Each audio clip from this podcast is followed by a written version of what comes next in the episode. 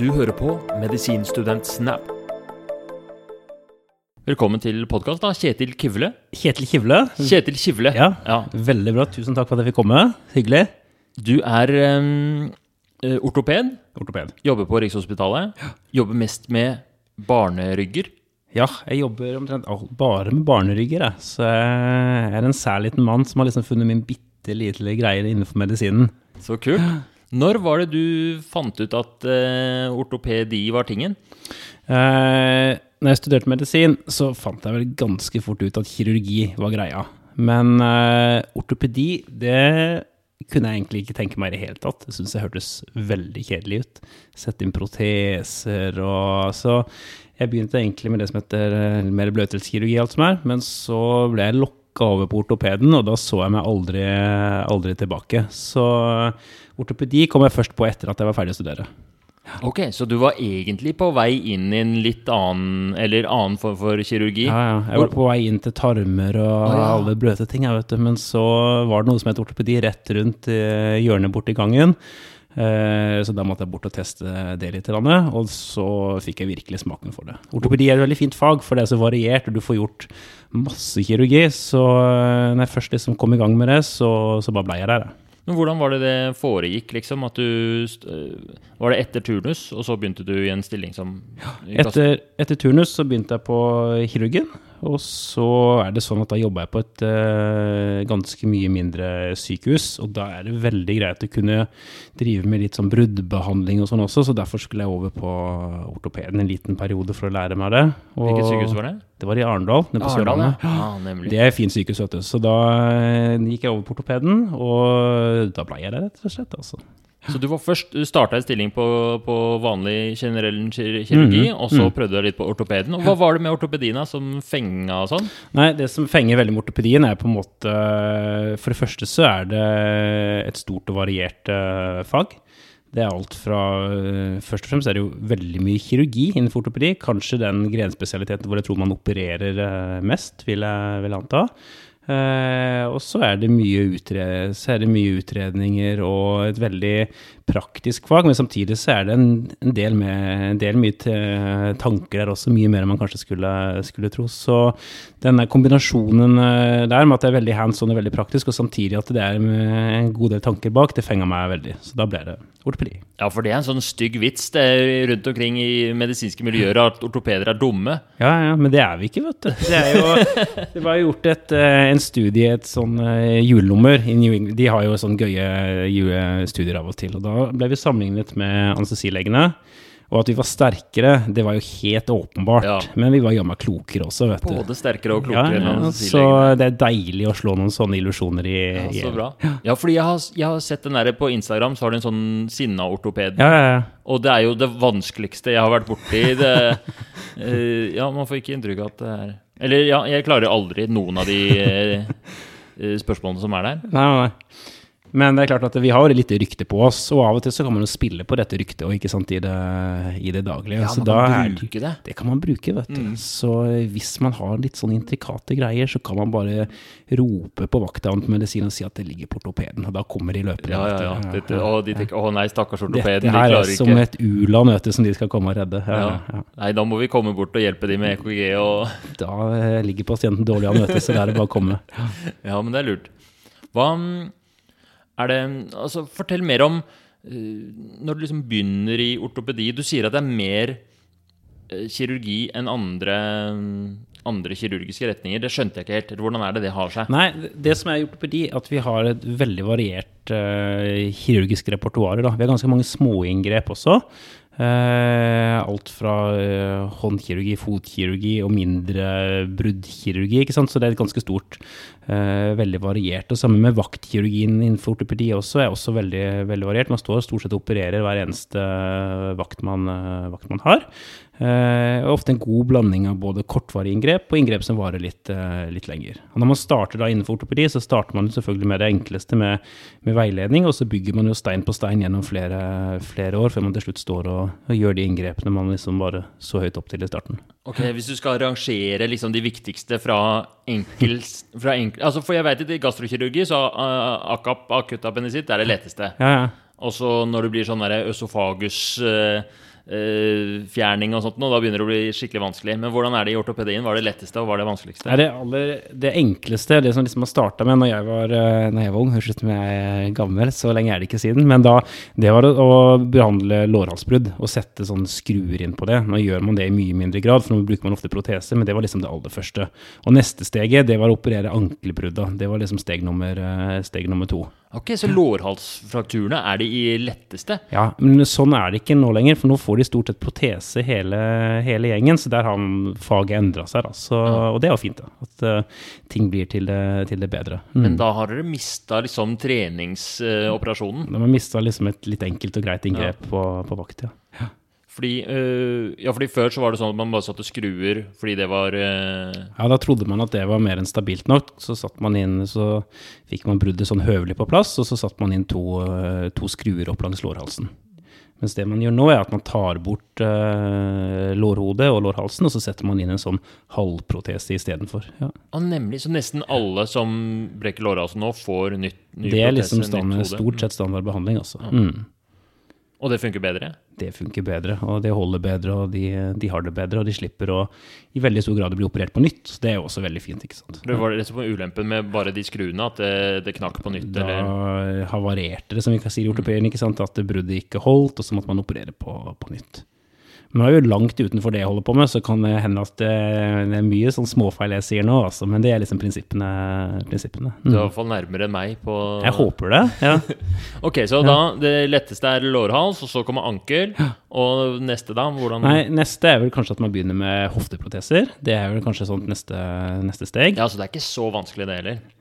Ja, det, det, er veldig vanskelig. det er vanskelig, nei, men nei, det er, eh, Vi liker jo å holde litt på tinga innenfor uh, ortopedien også, så vi kan, ja. kan, ikke sitte her og si at det er innmari enkelt, for det er det mm. ikke. Men, men uh, det er et sånt greit planlagt inngrep å, å gjøre, som man ofte får ganske sånn god mengdetrening i også. Ja, fordi det er mange av de. Mange så da, selv om det er komplisert, så blir det liksom en uh, så, mer standard. Ikke sant. Men så faget endrer seg jo stadig. Så når jeg uh, utdannet meg til ortoped, så gjorde vi veldig mange sånn kneskopier. Masse, masse, masse. Uh, så jeg fylte på operasjonslistene mine med en hel haug av det. Mange veldig mange slitte knær som jeg har vært inne og, med skopi i. Og det gjør man i veldig mye mindre grad. Så det var også sånt klassisk inngrep som var veldig lett og greit å, å starte med, men som man nå gjør mindre. Fordi forskningen har kommet lenger, og man ser at man eh, veldig mye av disse slitte meniskene og sånne ting, det skal man ikke gjøre noe med, som man gjorde noe med tidligere. Så det, har blitt en, det er en sånn veldig tydelig trend at uh, man opererer mye mindre knær og mye mindre altså, Ja, for eksempel kneskop, ja, kneskopia. Så det er jo uh, Ortopedi er jo et sånt fag som Det er en del sånne trender som har endret seg de siste, de siste 10-20 årene. Og det er jo stort sett på bakgrunn av at man får bedre evidens for det man holder på med. Så det er jo veldig bra. Ja. Hva er den vanskeligste operasjonene, da? Det er skoliokirurgi, definitivt. Okay. Nei, nei. nei ja, det er eh, Det kommer jo veldig an på du, eh, hvem du spør. Og så er det jo sånn at uh, noen av oss ortopeder driver liksom en sånn bitte lite felt, så blir, prøver å bli veldig gode på, på det. Men så har vi jo mange gode kolleger som uh, kan et mye bredere repertoar òg, ikke sant. Så det er litt sånn hva man liker å holde på med. Hva var det som gjorde at du havnet inn på skoliose og formerte rygger, da? Det, eh, når jeg jobbet da i Arendal og koste meg der med ortopedi, så begynte jeg å drive en del med barn, barn etter hvert. Ja. Så det man kaller barneortopedi. Og da er det mye sånn føtter og hofter og sånne ting. Og så holdt jeg på litt med ryggkirurgi også. Det var liksom de to tingene jeg holdt mest på med. Um, og da, for å bli ferdig ortoped, så må man til et universitetssykehus. Så da dro jeg inn til Rikshospitalet og var heldig og fikk, plass, uh, fikk lov å jobbe der litt. Og da starta jeg på det som heter barneortopedi. Uh, altså da holdt jeg på med hofter og knær og føtter og sånn til barn. Det er, sånn, det er også ofte medfødte ting? Altså det er ofte, hoftedysplasi? Ikke sant. Og, ja, for eksempel. Klumpfot og sånn? Helt riktig. Du kan jo mye om dette, da. det er veldig bra. Eh, og eh, det var veldig fint. Men så var det noen borti gangen som holdt på å operere de samme barna med skeive rygger, for det er veldig mye de samme, samme barna. Eh, og så var jeg med noen ganger der, og så fikk jeg veldig smaken av det også. Eh, det er eh, i utgangspunktet veldig stor kirurgi, så det er liksom én stor operasjon per, per, gang. Men det var noe sånn veldig fengende med det, å liksom kunne åpne opp ryggen og sette inn skruer og rette opp disse skeive skeive ryggene, så eh, plutselig så sto jeg der og var helt betatt av, betatt av det. Så det ble sånn tilfeldigheter, Ja, egentlig. kan du si mer om det? Hva er det som er så fengende med det, syns du? Eller hvorfor Nei, det som er fengende, fengende med det, er at du har jo en stor, eh, stor feilstilling eller stor deformitet. Ikke sant? Du har en rygg som er, som er skeiv, eh, og det er jo ganske massivt. Ikke sant? Så kan, eh, kan vi åpne opp eh, ryggen og sette skruer, og den følelsen liksom å få rettet opp ryggen og få gjort noe godt akkurat der og da, det er veldig, veldig tilfredsstillende. Mm. Så det du liksom har lukket, eh, lukket eh, ryggen, så kan du ta et røntgenbilde etterpå, og så kan du se sånn var det før, og sånn var det, var det etterpå. Mm. Kan du beskrive liksom fra start til slutt den typiske Hvordan fra pasienten merker det, kanskje, eller foreldrene merker det, til du setter kniven, og hvordan man gjør det på en Ja, sånn ja. Det- classic skoliose? Classic. Den vanligste skoliosen er jo det vi kaller idiopatisk skoliose. Og idiopatisk, det er jo egentlig, vi vet jo egentlig ikke hva som ligger til, til grunn. Eh, sannsynligvis masse ulike eh, årsaker. Eh, og det er jo sånn typisk jenter i tenårene. Det er den vanligste kunden vår, hvis vi kan kalle det det. Eh, og da eh, er det typisk at det er mor som merker det, og typisk at de merker det på stranda om sommeren. Ikke sant? De skal enten smøre på solkrem, eller så bøyer dattera seg litt fremover, og så ser man at eh, overkroppen er litt rotert, og at den er litt skeiv. Og så er det sånn at de aller, aller, aller fleste av dette skal det ikke gjøres noe med i det, i det hele tatt. Eh, noen av disse som er litt større, og hvis de fortsatt er i vekst, de setter vi på et korsett. Men hvis de kurvene hvis den er stor nok, så må vi operere. For da har vi ikke noen andre muligheter enn eh, det. Ja, for hvis det er for alvorlig skeivhet, så kan du ikke liksom bare stramme på et korsett og håpe at det vokser litt til, liksom. Da byr det på så store problemer at det må rettes opp. Ja, og så har det litt med å gjøre hvor i veksten du er også. For jo, jo lenger du har kommet i veksten, som regel så har man mindre å hente på korsett. Så, hvis man er utvokst og har en stor skeivhet, og vi vet at den skeivheten den vil bare bli større og større, og større, og større, så da må vi operere. Men så hender det også at vi opererer de, de mindre. Det kan vi jo komme tilbake til. Men hvis vi skal ta den der ungdom eh, Nå har vi en, eh, en jente på 13 år da, som, eh, som kommer inn så, og har en så stor eh, kurve at vi må operere. operere. Så kommer de vanligvis eh, inn dagen før til oss, og så snakker vi gjennom alt vi skal. Og dagen etterpå da, så starter vi tidlig på, operasjonsstua. De som har den der idiopatiske, bare Ja. før, vi kommer Ja, til ja. operasjonen, er, eh, de har da ikke andre deformiteter og noe genetisk disposisjon. som- Det er, eh, det er sånn, kommer helt ut av det blå? På en, Ja, det kan jeg fortelle litt om. Det, det, det er Grunnen til at vi kaller det idiopatisk, er at vi vet ikke hva som ligger bak. Vi, det er sannsynligvis en rekke ulike grunner. Kanskje er det litt eh, hormonelt. Det er i hvert fall genetisk, det vet vi helt sikkert. Eh, hvis f.eks. begge foreldrene dine har eh, skoliose, så vet vi at det er ca. 50 ganger økt sannsynlighet for at du også får skoliose. Så, men det er ikke ett enkelt gen. Mest sannsynlig så har det noe dette her med siliefunksjonen å gjøre, hvis man skal liksom dyppe, dykke litt dypere i det. Men den linken opp til hvorfor man får en skoliose, det er vanskelig. Det er, eh, og der, der vet man faktisk ikke ennå. Og det er ikke noe man kan gjøre, eller det er ikke noe galt som har blitt gjort. Det er ikke noe sånn at hvis man går med flate sko og eller Det hadde vært deilig da, hvis vi kunne liksom si at uh, det var én ting, og så bare ta bort det, så har de fiksa det. Men det er, dessverre så er det noe, de har gjort verken noe riktig eller noe galt. og Ja. sånn, er det, sånn er det bare.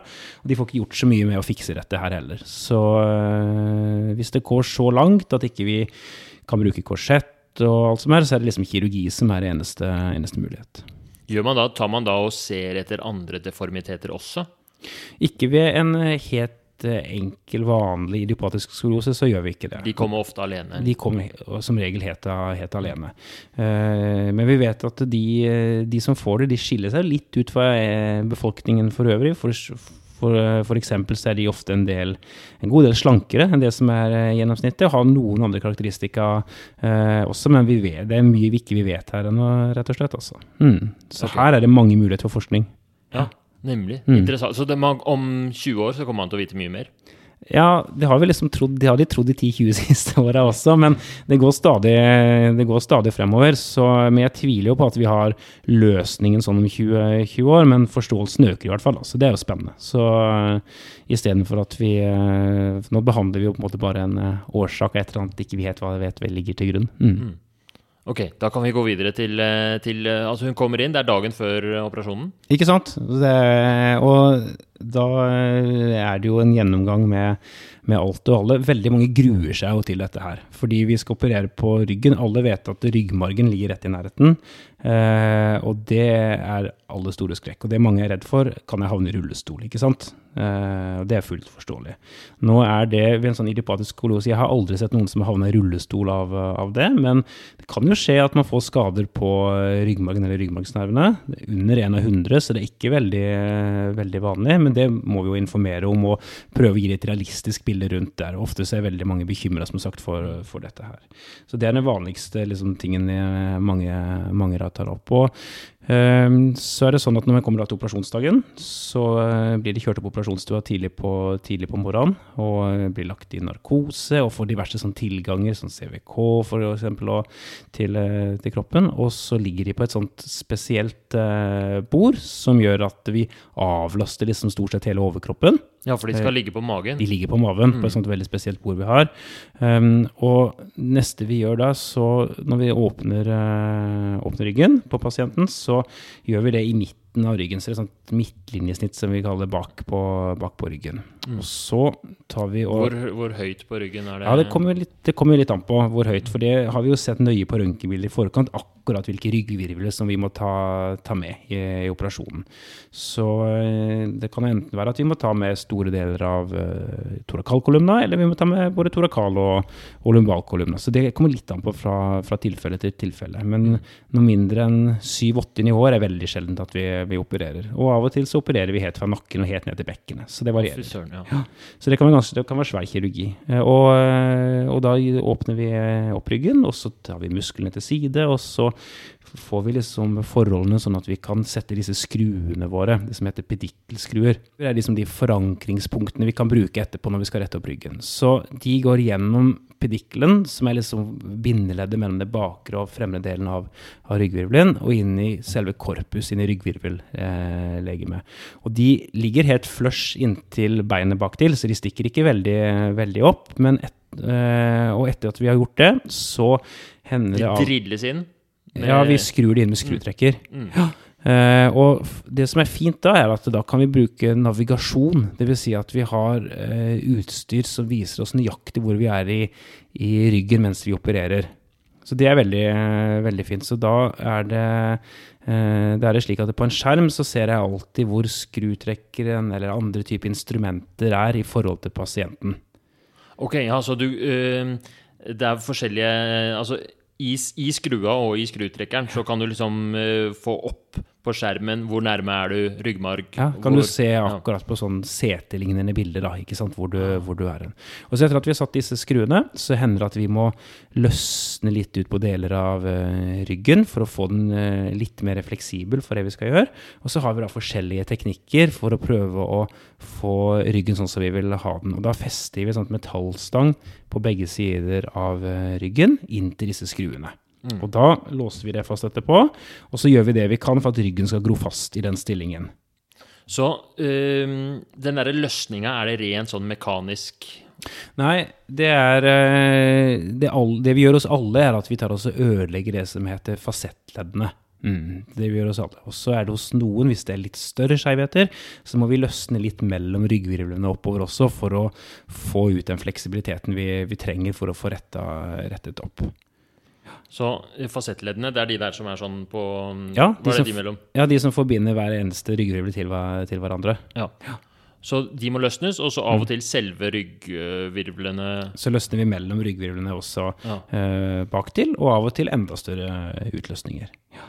Eh. Og når det er løst, så kan du da bruke de der skruene og det du har festa i, i, de skruene, for å for å vri hele ryggen. Ja, da blir det liksom de forankringspunktene, blir de, de skruene, og så setter vi inn et sånt metallstag som vi har liksom bøyd akkurat uh, helt etter vår, sånn som vi vil ha det. Og så tar vi gradvis og drar skruer og stag inn til hverandre. Og det, det er skikkelig uh, Mac, altså. Det er Der har vi mange, tek mange, teknikker for å prøve å komme til mål best mulig med, med det. Mm. Men er det tungt, da? Står dere og svetter og, og, Ja, det er jo mest teknikk. Det er ikke mm. mest styrke, men litt tungt kan det være. Mm. Det virker jo helt sånn derre utrolig eh, Kanskje ikke brutalt, men veldig sånn derre Altså, det er Det heftige greier. ser heftig og brutalt ut, det Ja. gjør det helt åpenbart. Men det er veldig kontrollert, mye mer kontrollert enn det det ser, eh, ser ut til. For vi har mange strukturer i nærheten som vi må ha veldig stor eh, respekt for. Én ting er når vi setter disse skruene, men det er klart at eh, det å rette opp en skeiv rygg, det kan også være skummelt i forhold til f.eks. ryggmargen, sånn at ikke vi får noe eh, problem da. Ja, så Hva er lista over ting du er redd for? Det er å komme bort Det er, det jeg er redd for, som er liksom på første, andre og tredjeplass, det er jo å skade ryggmarg og ryggmargsnerver. Ja, Så det er både på første og andre og tredje? Faktisk så er det, og på fjerdeplass så er det liksom at disse skruene blir sittende fint, eh, fint inne, at ikke de uh, gir seg på noen måte, og så er det infeksjon da, som er uh, nummer tre. Ja. Ja.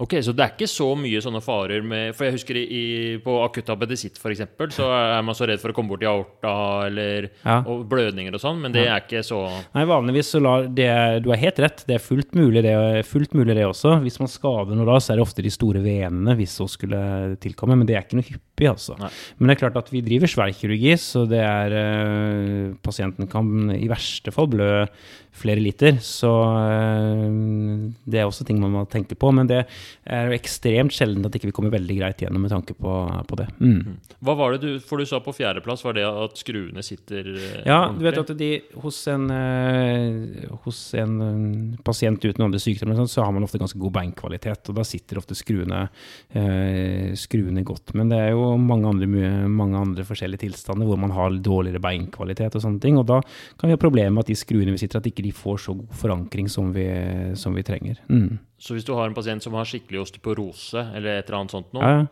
så kan det være så dårlig beinkvalitet at du ikke får til å gjøre skolioseoperasjon fordi du, får ikke noe, du har ikke noe å skru i, liksom. Nei, det er riktig tenkt. Ofte så lar det seg å gjøre, men da må man jo tenke litt på hvor setter man skruer, hvor mange skruer setter man, må vi bruke noen andre måter og, og eh, noen andre fiksasjonsmetoder, for det finnes det også til, eh, til ryggen, så det er jo vurderinger man må eh, hele tida gjøre da. Mm. Hvor problematisk er det for en ryggvirvel å ha et sånt høl i seg, da? Det, det tror jeg den tåler veldig, veldig greit. Det som er største konsekvensen etterpå, er jo at man stiver av ryggen. Eh, For det er klart at de, eh, hele området vi opererer, må vi stive av. Eh, Dette her er jo et litt race mellom det implantatet, altså de stengene vi setter inn, og, og ryggen. Så hvis ikke ryggen gror fast, så vil jo de stengene knekke før eller siden. Ok. Og det gjelder egentlig stort sett i all ortopedi, at du må få ting til å gro. Det er viktig. Mm.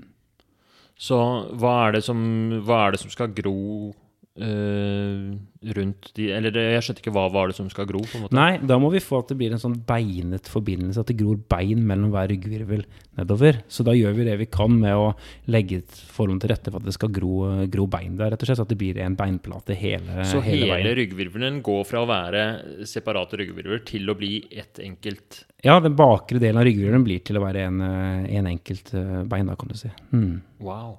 Så da man blir jo, vil jo bli ganske mye stivere i ryggen etter en sånn Ja, operasjon. Absolutt, men det kommer veldig an på hvilke deler av ryggen man stiver av. F.eks. brystryggen, s- eller torakalkolumna, den er i utgangspunktet relativt stiv hos de fleste av oss, så det får ikke så store konsekvenser. Så de delene av ryggen som vi liksom kjemper litt for å ikke stive av, det er liksom særlig de nedre delene av korsryggen, for der er det mye bevegelighet, og det merker pasientene veldig hvis vi må stive av av de bitene av ryggen. Mm. Ok. Nå er vi dypt inne i fagfeltet mitt her, altså. Ja, jeg syns det er kjempespennende. jeg. Har aldri vært med på en eh, sånn type ryggoperasjon. Så eh, det er, du beskriver det så jeg nesten føler at jeg er der. Men hva, ok, så hva, hva det vi har gjort nå? Vi har satt inn de stengene, og så har vi, eh, har vi flytta på ryggen. Og så har vi stivet av. Ja. Og, Og da, når vi har stivet av, det er jo faktisk tiden kommet for å lukke, rett og slett, altså. er vi ferdig allerede. Da er vi ferdig. Hvor lang tid har vi brukt nå? Nei, nå har vi vanligvis Vi kan si at vi bruker mellom eh, to til fire timer. er liksom det vanlige. Så, eh, men det er en dag, det. For det tar i hvert fall en time til halvannen før vi er i gang på operasjonsstua. Eh, Og det går fort en halvtime til en time etterpå også. Mm. Så ja, så en kirurg rekker å gjøre en Ja, skolioseoperasjon på en to kirurger til og med. Vi er 82, så ja. ja. Er det da en overlege og en LIS eh, som regel? Ja, enten en overlege og en LIS, eller eh, to overleger. Ja. Ja. Så det kommer jo litt an på hva vi skal uh, operere. Så det er jo ulemp, litt ulempen i mitt, mitt fag er jo at det fort blir veldig stor kirurgi. Så det er litt vanskeligere å slippe til som LIS enn i en del andre fagfelt innenfor ortopedien, da. Hvordan merka du det da, da du var liss?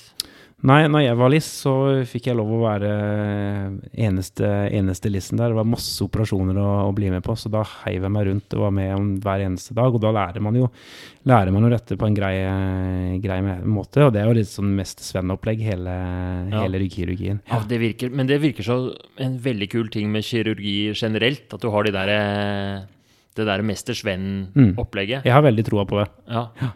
Også, men det er klart at så blir det et sprang den dagen du står på den andre sida, er den som er ansvarlig, og skal Plutselig skal man kanskje lære opp noen andre, ikke sant. Så, så det blir noen sånne skikkelige steg man må, må, ta, men det hører med til eh, faget også. Har du hatt en list noen gang, og så har du tenkt sånn Oi, shit, han hadde jo for en skjelven han var på hendene, eller han er jo helt klumsete. Det her går ikke. eh, skal jeg svare? Eller nei, det Nei, vet du, de eh, Vi er jo alle ulike, men de fleste er jo Det er jo en veldig gradvis prosess, ikke sant. Så man slipper jo ikke til på de store tinga sånn fra starten. Så vi, alle listene både der jeg har vært før og der jeg jobber nå, så blir man jo veldig godt kjent etter, eh, hvert. Og da får man jo en stor tillit mellom, eh, mellom overlege og, og Lisse og alt som er også. Så det går egentlig veldig, veldig greit. ja. Hva, altså når du har, eh, Hvis vi går tilbake til at pasienten er 13 år, hadde en svær skoliose, og ja. så ble den eh, korrigert. Hvor, hvor, rett blir ryggen? Nei, det, det, kommer jo litt an på hvor gammel du er, og hvor stor kurven er, og selvfølgelig hvor stiv den er også. Men hvis vi vi, vanligvis så halverer vi i hvert fall kurven, ofte litt mer enn det også.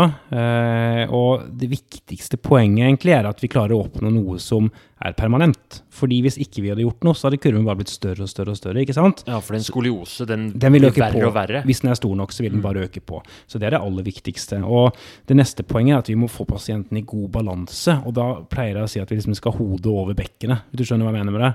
At vi ikke liksom blir stående ja, side ved siden for oss selv eller fremover. Det er liksom poeng nummer to. Og så kommer litt lenger ned akkurat selve kurvestørrelsen. Men vi får ofte gjort mye med det også. Og, eh, det, vi, eh, og det er klart at dette grenser jo opp mot det kosmetiske også. Det kosmetiske er aldri hovedgrunn til å operere, men det er klart at eh, kosmetisk så får jo pasienten et som regel et betydelig bedre resultat etter kirurgi enn hvordan de så ut uh, i forkant. Ja, for hvis man ser bort ifra at det blir verre, da, mm. hva er det som er problemene med å ha skoliose? Det er, ja, det er uh, kosmetisk. Selvfølgelig kjempekjipt mm. å, å, være usymmetrisk i kroppen. og mm og sånt noe, Men hva er det, liksom, hvilke plager er det man har? Nei, Veldig mye av den kirurgien handler jo om å forebygge plager på sikt. ikke sant? De, de fleste har ikke betydelige plager her og, her og nå. Noen har det, men de, er, eh, men de, fleste har ikke det. Og da gjelder det eh, egentlig å gjøre kirurgi for å hindre at kurven blir så stor på sikt at det gir sannsynligvis mye, mye plager. Og det vet vi, en, eh, vet vi en del om. Hva er de plagene, da? Ja, det er ryggplager, rett og slett. Altså. Smerter? Ja, smerter og ubehag. Og det er klart at, eh, og at de også kommer ut av balanse, som jeg snakket om i, ja. i stad. Eh, men det kosmetiske er absolutt et veldig viktig poeng her også. Så vi opererer aldri kun av den, den grunnen, men det er åpenbart viktig også. Og når vi ser på i de studiene man har sett på pasient i etterkant av kirurgi, så det vi eh, klarer å forbedre best hos pasienten, det er selvbildet til pasienten. Så det er jo litt interessant. da. Det er jo langt inn i psykiatrien, ikke sant. Ja, ja. ja. Spennende. Hvilke Altså, nå har vi snakket mest om idiopatisk skoliose. Hva, hva, andre typer pasienter er det som har skoliose, som jo. ikke er idiopatisk? Det, det, som, eh, det, som, er at som sagt, idiopatisk utgjør de aller fleste. Men så har vi noen som har skoliose på bakgrunn av eh, syndromer. F.eks. Downs syndrom er et klassisk eksempel. Prader-Willi syndrom, Angelmann syndrom og en rekke eh, flere. Og så kan vi ha det som heter nevromuskulære, skolioser. Og det helt typiske da, og klassiske er de som har cerebral parese, og så får de en skoliose pga. Av, eh, av det. Ja, for de har en eller annen muskeldefekt et eller annet sted, og så blir det asymmetrisk drag, på en måte? Ja, det blir liksom en sånn nevromuskulær imbalanse, på en måte. Og de har en litt annen type skoliose enn disse idiopatiske. Og, det, og den siste gruppen, det er det vi kaller kongenitte skolioser. Det vil si at da er det en feil eh, feildannelse av en ryggvirvel eller flere helt fra unnfangelsen av, eller helt tidlig, foster, tidlig i fosterlivet. Eh, sånn som f.eks. en halvvirvel er liksom det klassiske eksempelet på det. Ja, for du Eh, plutselig har én virvel som det feiler noe med, og så er den Ja, skeiv, og så så skaper den den skjevhet virvelen kan, den vokser bare eksempel på den, eh, på den ene siden, og da blir det en skoliose etter hvert på bakgrunn av, eh, bak, bakgrunn av det. Og så kan man ha veldig komplekse sånn medfødte deformiteter og sånn også, men det, eh, og det er ofte ting, en, ofte ting som man kanskje må gjøre noe med litt tidligere enn de idiopatiske skoliosene. Så hvis du har en sånn halvvirvel, så kan du bare fjerne den, den virvelen, da? Ja, det går an. Hvis du har én en enkelt halvvirvel, så kan man fjerne den. og Da gjør man det ofte i sånn 4-5-6-årsalderen. Tar bort den halvvirvelen, og så stiver man av et bitte liten del av ryggen rundt, eh, rundt dette her. Men så er det jo av og til at man har mye mer komplekse eh, misdannelser. Eh, og da er det ikke alltid egentlig bare å ta ut en halvvirvel, og så er man ferdig, ferdig med det. Men så er det sånn innenfor for mitt fag at vi som regel så kan vi gjøre det som heter endelig fiksasjon.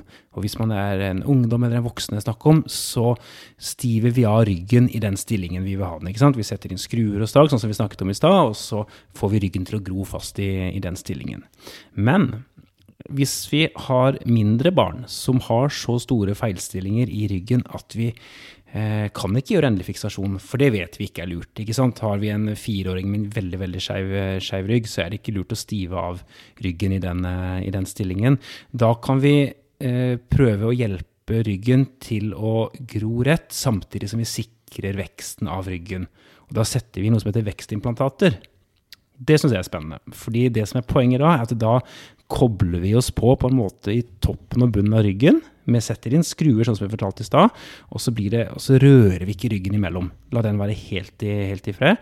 Og så eh, under da muskelen, under muskelfascien, så trer vi noen eh, stag opp med en sånn magnetmotor på. Ok. Ja, Det her er Og- ekstremt avanserte greier. Ja, ja, men det er ikke så komplisert som det høres ut på. Og da har vi, da har vi, liksom, vi har kobla oss på i toppen av ryggen, og vi har kobla oss på i bunnen av ryggen, og mellom der så har vi to stenger som ikke er nær ryggen i det i hele tatt, og så har vi en magnetmotor på hver side. Så det vi kan gjøre videre, da, kan vi ta oss og styre veksten av ryggen til disse Så du kan legge på slags sånn drag her og der for å få det til Ja. å liksom vokse i motsatt retning av det den er nå? Ja, og da, da har vi, vi retter jo på en måte opp ryggen ved den første operasjonen, men da sikrer vi liksom veksten av ryggen videre etter, etter dette. Så da kommer de fire ganger i året så kommer de til, til meg da, og så har jeg en sånn enda sterkere magnet som jeg bruker, og så kan jeg bruke den til å, at ryggen vokser, da, sånn, i det tempoet som jeg vil. Så da er det jeg som, jeg som bestemmer hvordan ryggen eh, skal vokse. Og så gjør, vi, gjør vi det gjennom flere, flere år, inntil vi kommer dit at vi kan gjøre det vi snakket om i stad, en sånn endelig fiksasjon, stive av, av ryggen. Er det, ja, er det noe skummelt med det at de er magnetiske? De må ikke sånn passe seg for å komme borti kjøleskapsmagneter eller Nei, det er, men det er jo noen som klarer å gjøre noe triks med det. da, For det er klart at eh, disse magnetene, de setter du en annen magnet på, så står magneten rett ut av, av ryggen. Så nå er det ganske små barn dette jeg snakker om, men hvis ikke så kunne jo det vært et fint partytriks. Ja, men ja. Når det kommer til eh, altså, Dette er jo ganske spesialisert på en måte, men samtidig så tror jeg veldig mange leger møter på pasienter med skoliose. Mm. Det er ganske vanlig. Eller hvor vanlig er det egentlig? Ja, av, eh, Hvis vi tar de idiopatiske skoliosene, det er jo det klart, klart hyppigste, så regner vi med at av tolvåringer, som er liksom da man ofte ser etter, så er det ca. fem promille. Fem promille. Ja, Så det er jo ikke veldig vanlig, men det er allikevel noe de fleste leger som er allmennmedisinere eller Ja, ja, på helsestasjon, de kommer borti det. Én av 200. Ikke sant? Så de, ja, en av 200, så de kommer borti det. Så sannsynligvis på en fastlegeliste så er det jo mange. Så vil man se det. Men det er klart at så skal man ikke gjøre noe med de aller, aller fleste av dette her. Og de eh, aller fleste av dette her er jo jenter det er snakk om. Så hvis man skal gjøre en sånn kvalifisert uh, gjetning på hvem av de dette er, så er det ca. ti til én av de skoliosene som er av litt størrelse, med jenter i forhold til gutter. Mm. Så det er veldig overrepresentert. Ja. Hva er det noen sånne typiske feil man kan gjøre som fastlege eller legevaktslege eller Nei, det viktigste er jo eh, bare at man henviser videre hvis man er i tvil om, eh, tvil om det. Vi ser at eh, stort sett så får vi pasientene litt seint til oss, og det syns vi er veldig, veldig kjedelig. For det gjør jo da at man kanskje har kommet så langt at ikke man kan f.eks. korsettbehandle eh, pasientene. Ja, så den korsettbehandlingen, med tanke på den, så er det viktig å komme tidlig til. Veldig viktig å komme tidlig til. Så hvis kurven ikke er for stor, og pasienten ikke er for, uh, for utvokst, eller hvis den fortsatt er i god, god, vekst, så er korsettbehandling veldig bra hos denne type uh, pasienter. Og i beste fall så kan man unngå kirurgi ikke sant, ved, ved korsettbehandling. Og det, korsettbehandling vet vi at virker. Det er også litt uh, gøy, for det har man jo lurt på i mange, mange år. men sånn for en Eh, sju-åtte år siden så kom det en veldig god artikkel som slo liksom beina under alle de skepsisen rundt, eh, rundt, dette her. Så eh, vi driver med korsettbehandling også oppe hos oss av disse pasientene. Mm. Det høres litt ut som man burde, burde Burde man gjøre en eller annen sånn screening på et tidspunkt, også for å, for å få flere inn på korsettbehandling? Ja, man gjorde jo det tidligere i Norge, og det har vært diskutert om man skal starte med det opp, opp igjen. Tidligere så, eller Foreløpig så jeg tomler ned for at man starter opp med det, at det ikke er nok uh, cost-benefit uh, i forhold til, forhold til, dette her. Men dette her er jo en sånn relativt enkel ting, og, både for helsestasjonsleger og for fastleger sånn å vite, vite om. Mm. Hvilken alder er det det ville vært aktuelt å begynne å se etter eh, skoliose? Nei, litt av, Jentene ligger jo litt foran, foran gutta, men sånn 11-14 eh, år er jo liksom da vi som regel catcher dette her. Mm. Ja, sånn overgangen barndomsskole og ungdomsskole? Ja. Etter at du har vært eh, jobba med, med, barnerygger i mange år, da, ja, ja, ja. Hva, er liksom, hva, er de viktigste tingene du har lært om barns rygger? Ja, eh, det viktigste er på en måte at man eh, Jeg tenker at man må gjøre en veldig klok vurdering hvem man eh, velger å operere, og når man velger å operere. operere. Det er veldig vanskelig å si eh, nei til kirurgi, for det hender jo også at vi, vi må. At nytten ved kirurgi er ikke stor nok i forhold til det vi kan, det vi kan oppnå. Um, ellers, nå er det litt på å si, men det, det, å liksom et Å følge pasienten over mange, mange år, det er jo mye av det jeg driver med. Og den nytten nytten av det, den er kanskje erkjent i større og større grad, på en måte. Og, det har vært undervurdert, den her, hvor viktig ja, det er ja, å følge over ikke sant? tid. det er jo ofte så, ofte så følger jeg kanskje, det kommer pasienten kanskje mellom de er fire år, ikke sant? så jeg følger de til de er 17-18 år. Wow. Eh, og, eh, og, den eh, Det gir mange store fordeler. både sånn, En ting er det rent kommunikasjonsmessig og relasjonsmessig, men det gir også store fordeler sånn eh, rent ryggkirurgimessig. Da, at man kan ta beslutninger i samråd med, med, foreldre over tid og forberede de godt og, og alt, som, alt som er. Så, har, eh, så, du har hatt pasienter som du har ført over mange mange år? Ja, ja. Samme pasienten som ja, du kjenner, og får jo sikkert en veldig spesiell relasjon, egentlig? Veldig spesiell relasjon, og særlig kanskje de minste barna, hvor foreldrene kommer relativt usikre med lille barne, barnet sitt, og så vet du at, eh, så vet at eh, disse skal jeg følge i 10-15 år, kanskje. ikke sant? Så det er klart at det, det gir en helt spesiell relasjon etter hvert, og da blir jo for, de, for de så blir jo jeg Kjetil veldig fort, heldigvis. Eh, og de ringer meg jo om alt mulig rart når det gjelder eh, ryggen, og det syns jeg er helt topp. Så det er Og mange av disse Hva er det rareste de ringer deg om, da? Nei, ja, de, er, de forskåler meg som regel for de mest uh, Det er lite sånn hudutslett og sånne ting de ringer om, heldigvis. Men de, men de, ring, de har veldig lav terskel for å ringe. Da. Er det noe issues, så ringer de, uh, så ringer de om, uh, om, det. Og det er jo på en måte begge veier også. Etter hvert som jeg lærer og kjenner de, så stoler jeg veldig på foreldre og pasient også rundt, rundt dette her. Så jeg vet ikke om det var kanskje ikke helt svar på hva som var min store kjepphest, men det er i hvert fall en av de tingene som jeg kanskje har skjønt etter hvert. Da. Det er liksom å følge pasienter over tid og skape en god relasjon og på alle måter, det har veldig stor verdi. Mm. Det må være, eller Hva syns du om det som, altså for arbeidsdagen din, da? At det er en så stor del av jobben å ha den der veldig lange oppfølginga?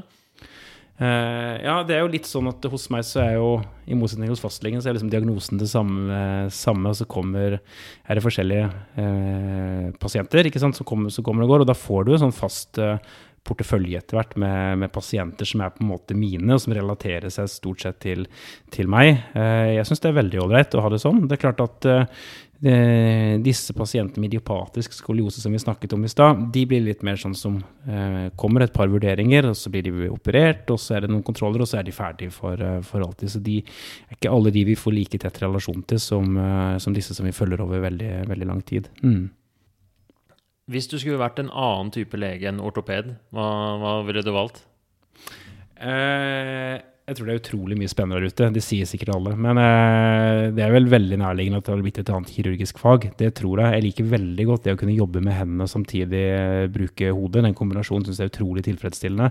Og det å se resultater av det man, eh, det man gjør også. Mm. Så, men jeg vet ikke akkurat hvilken kirurgisk spesialitet, det vet jeg ikke. Men eh, jeg tror det meste har utrolig mye gøy med seg.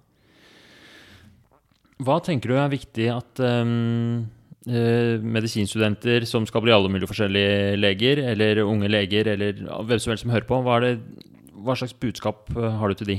Nei, jeg, jeg tror først og fremst det er klar, at det er viktig at de er klar over denne problemstillingen, at skoliose fins, særlig da hos ungdom, som er det, det vanligste. Og er de i tvil, så er det bare å henvise og ta en telefon, altså. For det er eh, Eh, vi er ikke så skumle inn på Rikshospitalet eller på St. Olavs eller Haukeland, de andre som holder på med, på med dette her. Så eh, send, send, en henvisning eller ta en tele, telefon, for disse pasientene vil vi gjerne ha tak i fortest, eh, fortest mulig. Eh, det er så utrolig dumt hvis liksom det går år med pasienten som har en økende ryggskjevhet uten at vi får gjort noe, gjort noe med det. Altså. Så, så, hvis du tror det er noe skoliose, så må du ikke nøle med å sende en henvisning? Da er det bare å sende en henvisning, så får vi ta en titt på det. Mm. Du blir ikke sur av å få en uh... Veldig sjelden sur ja. Så fordi, ja, og Et av hovedpoengene er at eh, for mange pasienter så kan det være veldig viktig å komme inn tidlig, for da mm. kan man starte med den korsettbehandlingen. Mm. Kan du si mer om hva, hvordan den korsettbehandlingen foregår, egentlig? Nei, den korsettbehandlingen det, det, gjelder som sagt ungdom hvor, eh, som har en skoliose som er passe stor, da kan man si. Ikke for liten, ikke for stor. Og som, så er de fortsatt i vekst. Og da kan man bruke et korsett for å kontrollere litt de kreftene som er med på å virke for en eh, skoliose. Men det har liksom distinkte sånn presspunkter lagt inn, sånn at man kan motvirke de kreftene i skoliosen og så få rettet opp skoliosen.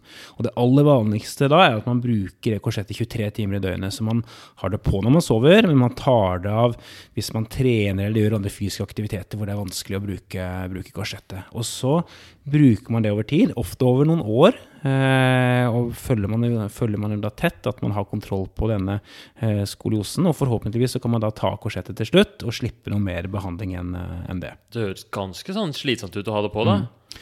Og det er det. og men der er det jo ekstremt stor aldersforskjell. For de minste barna som vi setter på korsett, de takler det ofte helt utmerket. Er du sju år å få på et korsett, så eh, er det litt trøbbel i starten, og så går det helt utmerket vanligvis.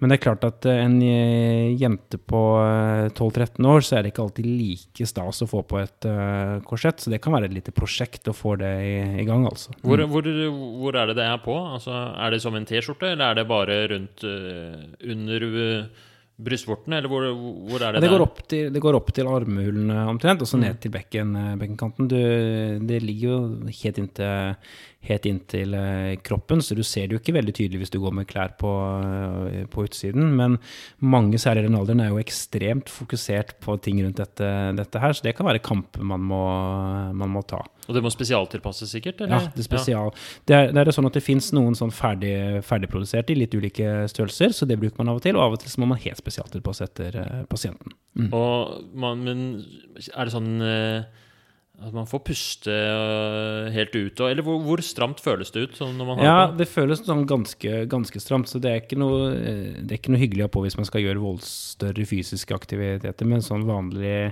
Eh, vanlig respirasjon og sånn går helt greit med, med, dette her. Men det er et poeng du kommer med noe som er helt riktig. fordi hvis man har pasienter som har uh, klart redusert lungefunksjon og sånn i, i, forkant, så skal man tenke seg veldig godt om før man starter med denne behandlingen. Mm. For det er også noe, det kan, Skoliosen i seg selv kan gi redusert lungefunksjon? Eller ja, er det Ja, det er helt riktig.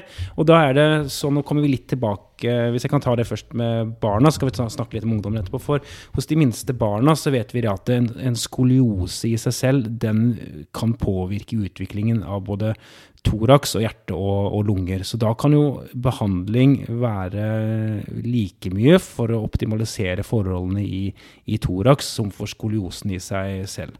Og I helt ytterste konsekvens, i noen få tilfeller, så kan det være livreddende kirurgi å operere dette her og få fikset skoliosen nettopp av de grunnene som jeg har sagt nå. For hvis ikke man gjør noe da, så kan man få, man, kan man få alvorlig lunge- og hjertesvikt. I verste fall så kan man dø av dette her. For det er ikke plass på den ene sida? Nei, det blir så stor deformitet aktivitet, at det endrer så både plassforholdene og det endrer utviklingen av de indre organene også, at det blir et stort problem.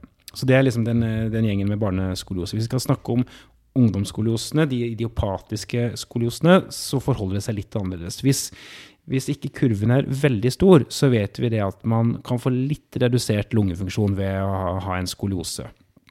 Eh, hvis eh, skoliosen blir sånn over 100 grader, da har vi en veldig svær skoliose, så vet vi også at det er litt økt dødelighet ved å ha en skoliose i seg, i seg selv. Men det er helt, eh, en helt annen divisjon i forhold til disse barneskoliosene som vi også akkurat snakket om. Da. Mm. 100 grader. 0 grader er ingen skoliose. Null også grader er ingen skoliose. 90 grader, kjempestor skoliose. 100 grader, enda stor. Ja, ikke sant? Så, så sier vi at hvis det er over 10 grader, så regner vi det som en skoliose. Så under 10 grader er lov å ha uten at man setter en diagnose på det. Mm. Ok, Så det var den eh, korsettbehandlinga. Den, eh, den kan være For sjuåringene så går det som regel bra. Hvis du er 12-13, så er det innmari plagsomt. Men da gjelder det bare å motivere som bare det. da For det, er altså det Ja, jeg prøver, prøver å selge det inn som et familieprosjekt, altså. Og så er det Det er mange som har veldig tanker rundt hva sier venner og klassekamerater og alt som er også, men min erfaring, min enkle erfaring rundt det, er på en måte at det er bare å vise korsettet, stort sett, og så får man liksom tatt eh, lurven av det stort sett ved, med første. Men hos noen så er dette problematisk, og da må man jo se om dette her er verdt prisen, ikke sant, for dette skal ikke eh, Det er viktig å få behandlet skoliosen, men det skal ikke gå på bekostning av eh, store ting her i, i livet. Ja. Ok, over til noe helt annet. Ja. Tilbake til, eh, til operasjonen. Ja. Uh, uh, hva har vært liksom historisk Ja. måte å behandle skoliose på? Ja, eh, når man startet med skoliokirurgi, det var et ganske sånn stort skritt å ta. ikke sant? Å begynne å åpne ryggen og, og gjøre noe med dette her. Så gjorde man uh, kirurgi sånn at man bare stivet av uh, ryggen. Og la bein uh, langs ryggsøylen og fikk ryggen til å gro fast i den, i den stillingen. Og så etter hvert så, det, så kom man på den ideen at man kunne koble seg på med en krok i toppen og bunnen av ryggen. Alt er på innsiden av, av huden, selvfølgelig. Og så kunne man på en måte jekke opp ryggen på den ene siden. Eh, høres veldig enkelt ut, men faktisk ganske eh, effektfullt. Og så har utviklingen gått, uh, gått videre. Mye, man brukte veldig mye kroker tidligere uh, på, på ryggvirvlene. Og etter hvert så turte man da å sette disse pedikkelskruene som vi pratet om i stad også.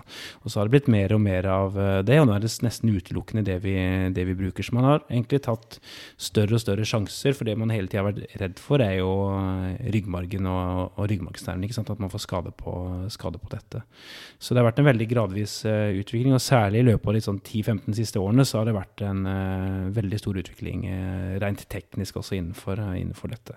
Men vi er jo ikke ferdig, utviklingen skjer jo fortsatt. Jeg snakket om navigasjon i stad. Det Hos oss har vi holdt på med det i halvannet års tid. Mange plasser veldig mye eh, lengre. Og det neste som ligger der fremme, er robotkirurgi. At robotene setter disse skruene og alt eh, Ja. for oss.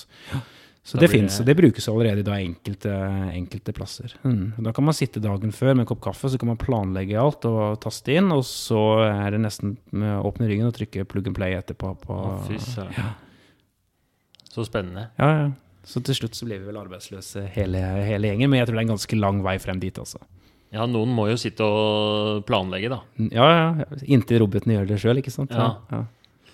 Til slutt, har du noen sånne um, eh, caser eller noen pasienthistorier som du husker uh, Eller noe um, Ja, noen eksempler på um, som du husker veldig godt? Som du tenker uh, Som har betydd mye for deg som, som lege? Ja, da må jeg Jeg har jo mange, holdt jeg på å si, men noen av de mest eh, takknemlige pasientene, det er jo Den ene gruppen er kanskje sånne prolapspasienter som kommer inn og har utrolig vondt, og de er liksom helt på felgen, og så tar ut et prolaps i ryggen, og så er liksom livet endret dagen etter. Eh, der har jeg mange gode, mange gode minner fra. Den andre, andre gruppene er faktisk eh, hofteprotesepasienter. Eh, hvis vi skal holde oss utenfor ryggen, og vi prata så mye om, eh, om skolosen, holder vi oss utenom, eh, utenom det.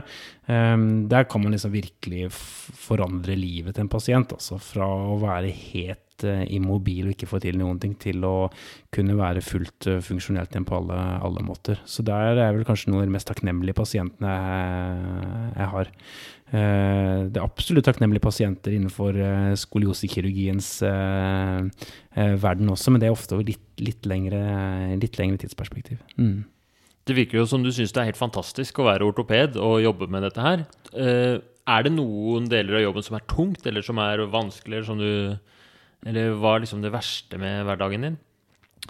Eh, det verste med, det verste med, med hverdagen min er vel kanskje Skal vi se om jeg tenker meg godt om før vi svarer her, ikke sant? Ikke vi, eh, det er en del av de vurderingene man gjør som kan være tøffe. Av og til har man ikke tilgang man kan, kan tilby, ikke sant? og det er eh, ikke alltid veldig, veldig lett, eh, lett det.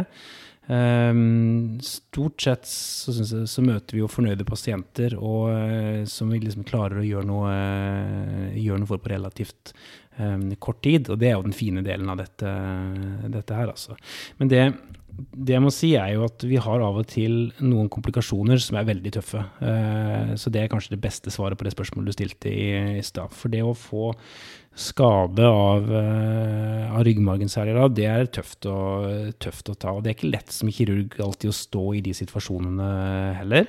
Uh, heldigvis så er vi et team. Vi er veldig tett på hverandre og støtter og backer hverandre opp. Det er vi helt nødt til å gjøre når vi er i den stillingen vi har. For vi, vi driver med kirurgi hvor det potensielt er relativt alvorlige konsekvenser uh, med, de, med de, de, komplikasjonene. Og det er de tøffeste takene hvis man kommer utenfor en sånn komplikasjon. Og særlig hvis man skulle komme utenfor en sånn komplikasjon hos en pasient som er fullt gående og alt fra i forkant. Mm. Og selv om jeg vet at det går som regel mye bedre enn det man frykter eh, her, så er det særlig de første dagene, men også de første ukene etter det, hvor man, eh, de er tøffe rent eh, psykisk også for, for, kirurgen. Og det skal de på mange måter være også. Og da er, vi, da er vi ofte veldig tett på hverandre og støtter og backer hverandre opp. Mm.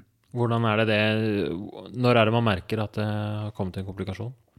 Nei, eh, enten så eh, ser man det jo under operasjon. Eh, at her er det vi Mens vi opererer, så overvåker vi ryggmargen hele tida. Passer på at eh, det går signaler både ned i beina, og at det går signaler fra beina opp til, eh, opp til hodet. Uh, og da uh, hender det jo at vi plutselig får beskjed om at nå er det ikke signaler lenger i, uh, i beina. og da kan, det, kan, man få det tilbake i noen tilfeller, men hvis ikke man får det, får det, til, så er det jo veldig stor sannsynlighet for at man har fått en skade på, på ryggmargen. har du opplevd det? At det er liksom under operasjon? ja, det, det, har jeg opplevd. Ja. Hvordan føltes det? Ja, Det er ikke noe hyggelig. Det er ikke noe man blir helt vant til heller. Det gjør man jo ikke, ikke sant? men det er klart at det, det gir jo en stressrespons hos kirurg og alt også, men da er vi litt som sånn militærflyver, at da har vi et sånt fast skjema vi går etter. Da gjør vi sånn og sånn og sånn og sånn. og sånn. Um, og det viktigste da er jo egentlig bare å holde seg veldig konkret til de, til de algoritmene man har rundt, rundt, dette her. Ja, for Men, da er det en veldig trygghet å ha liksom et helt sånn fast opplegg. Du vet akkurat ja, hva du skal gjøre. Ja, og da hvis jeg kommer utenfor det, så har jeg et sånt veldig fast algoritme, og så ringer jeg alltid en venn også. Så da kommer det alltid opp en annen, og så, vi, så står vi og støtter og supporter hverandre rundt, uh, rundt det. Eh, den tunge beskjeden er jo på en måte etterpå, når man skal snakke med foreldre og eventuelt pasient etter, eh, etter, kirurgien, at ting ikke har gått helt som, eh, som planlagt. Heldigvis er ikke dette ofte, men det er en del av jobben, det også. Det må man være fullstendig klar over når man går inn i Det gjelder jo veldig mange kirurgiske fag. Når man går inn i, inn i det, så må man på en eller annen måte tåle å stå i det også, da. Mm. Ja, jeg tror uh, lignende ting er jo i alle legespesialiteter, nesten. Så er det jo plutselig sånne grufulle realiteter hvor man står ja, med ja. Skulle man ønske man aldri hadde satt kniven i pasienten, ikke sant? Ja. Men ja, sånn er det. Så, men um, det du sier, det som er, hva er de viktigste tingene for å sørge for at man kommer seg gjennom en, en, sånn situasjon? da? Jeg tenkte Hvis først skaden har uh, skaden har skjedd, liksom, hva er det viktig? Hvis, du, hvis, det er en eller annen liss som, som, uh, som har uh, du trenger ikke å ha gjort noe feil heller, men at det har skjedd en komplikasjon. Hva vil du råde han eller hun til? Nei, eh, hvis du tar rent sånn til kollegiale, tenker du på det? Eller eh, ja, ja, ja, helst eh, hvis du tar det kollegiale først, og så også hvordan man møter pasienten og Ja, sånn rent eh, kollegialt så er det viktig veldig tidlig liksom, å snakke gjennom hva som har skjedd for noe. At vi er på en måte helt åpne og ærlige om, eh, om det. Ikke legger skjul på noen ting overfor, uh, overfor noen. Uh, og så er det sånn ja, for Det er vel det verste man kan gjøre? Å begynne å, å... Ja, så kan ha bortforklaringer og sånne ting. Ja. Det orker vi ikke, for det gir ingenting på, mm. på sikt. For alle som driver med dette her, har komplikasjoner. Uh, sånn er det bare. Vi har stått der og fått komplikasjoner hele, hele gjengen, så det må man åpne og, åpne og ærlig om. Og så gjelder det jo å, å gi den prøve å gi den støtte støtten man, eh, man kan. da. Ofte er det vanskelig, for det er ofte vanskelig å ta til seg den støtten man får av kolleger òg, i, de, i de situasjonene. Så da gjelder det å prøve å være så klok man kan om man skal støtte en kollega rundt dette her, eller, eller også ta imot støtte på dette her. Um, og, men så er det sånn at for pasienten så har vi jo heldigvis pratet gjennom dette før kirurgi. ikke sant? Og da må man skille litt på kirurgi hvor i utgangspunktet er liten risiko for komplikasjoner, og kirurgi hvor det er stor risiko for komplikasjoner.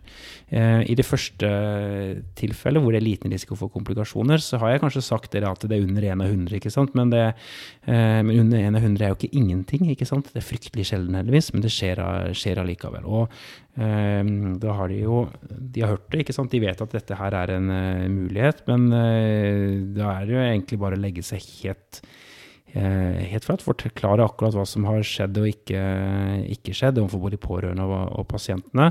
Eh, det er iallfall min erfaring at det er det som står seg best. Altså at man er bare helt uh, åpen både med kirurgien, men også i den fasen som følger etter. Og det trenger nødvendigvis ikke være noens feil. ikke sant? Det kan være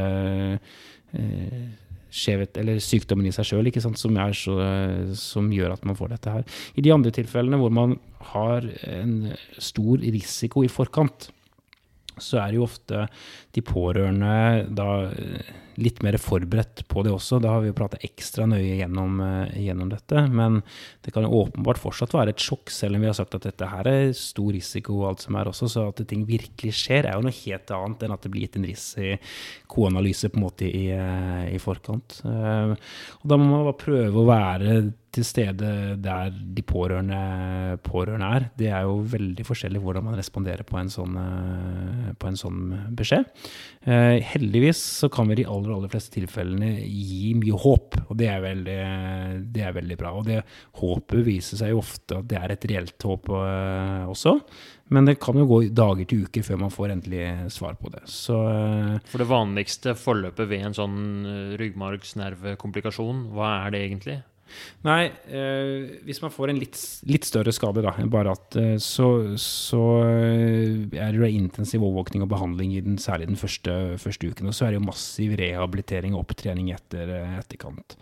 Eh, og så går det jo ofte et eh, halvt års tid egentlig før man ser ordentlige konsekvenser av dette. Men jeg har hatt pasient som har vært eh, totalt lamma etter eh, kirurgi, og som jeg fikk bilde av et drøyt år etterpå var ute og gikk på langrenn igjen. ikke sant? Så det, ja. Som regel så ender man Man ender ikke 100 tilbake der man uh, var, men de fleste kommer godt opp på 90-tallet, altså i funksjon i, i, beina også etterpå. Så det, heldig, det, og det gjør det jo enklere at man kan faktisk selge inn litt håp, selv om ting ser helt håpløst ut. Ja. Mm. Da er det sikkert også det at man er en erfaren gruppe kollegaer som, som, som vet det, da, også i, når man gjør den kommunikasjonen med pasienten, og når man står i det sjøl òg, at uh, det er sikkert viktig. Absolutt.